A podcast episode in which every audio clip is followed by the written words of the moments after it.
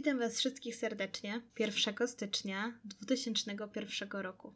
Mamy piątek, więc jest to czas na story time, więc bardzo krótko i szybko opowiem Wam, w jaki sposób my świętowaliśmy obecnego Sylwestra i Sylwestra zeszłego roku, bo mówi się, jaki Sylwester, taki cały rok, co nie wydaje mi się, żeby było prawdą, bo w zeszłym roku nasz Sylwester wyglądał cudownie. Spędziliśmy go z, z naszymi znajomymi, których uwielbiamy, a mimo to ten rok był pełen wyzwań, nowych doświadczeń, nowych sytuacji. Mnie osobiście pozwolił zweryfikować także wiele znajomości, ale też przyniósł dobre rzeczy, o których nigdy bym nie pomyślała, że w końcu się zdarzą. No więc jaka jest recepta na wspaniałego Sylwestra, który sprawi, że będziemy mieli wspaniały rok?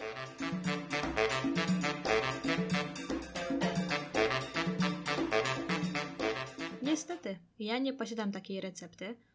Ja razem z moim partnerem mamy od dwóch lat, czyli jeszcze nie jest to do końca tradycja, ale już się tworzy.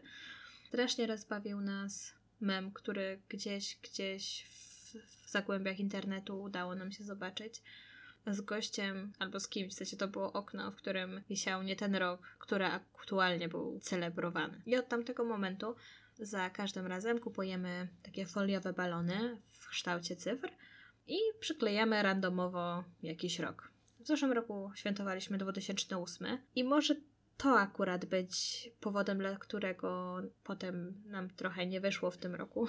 Bo może gdybyśmy prawilnie świętowali 2020, to byłoby łatwiej, aczkolwiek nie odpowiadam za całą populację świata i ich świętowanie Sylwestra.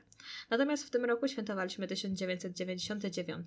Mamy straszny ubaw i czujemy się też bardzo niedocenieni, więc jeżeli ktoś jest zainteresowany, zapraszam na bokówkę świeci się, można przyjść sobie zobaczyć, docenić nasz wkład w świętowanie nie tego roku, co trzeba. Jednak jakby to na pewno nie definiuje tego, czy się dobrze świętuje, czy nie i czy właściwie powinniśmy świętować, czy jest co świętować i czy to jest tak rzeczywiście ważne. My raczej jesteśmy niekonwencjonalni, więc podchodzimy do wielu rzeczy w bardzo luźny sposób i staramy się, żeby trochę robić wszystko po swojemu. I tak było w tym roku. Graliśmy w Chińczyka. Byłam zaskoczona ilością emocji, która towarzyszyła tej grze. Chociaż zakładam, że było to spowodowane tym, że nasi znajomi mają bardzo podobne podejście do życia. Może nie bardzo podobne, ale w jakiś sposób się uzupełniamy wszyscy. O północy wyszliśmy na podwórko, że tak można to nazwać, przed blocze. Co mnie zaskoczyło w tym roku, to to, że wszyscy spali. Wszystkie okna były ciemne i byliśmy danymi osobami, które właściwie wyszły popatrzeć na fajerwerki, które nie powinny istnieć, ale to już jest inny temat. Więc ogólnie podsumowując, Sylwester był spokojny, dużo się śmialiśmy, dużo rozmawialiśmy. Czy w takim razie taki właśnie będzie nadchodzący rok? Mam nadzieję, że nie. Mam nadzieję, że ten rok przyniesie dużo pracy, dużo wyzwań, dużo nauki.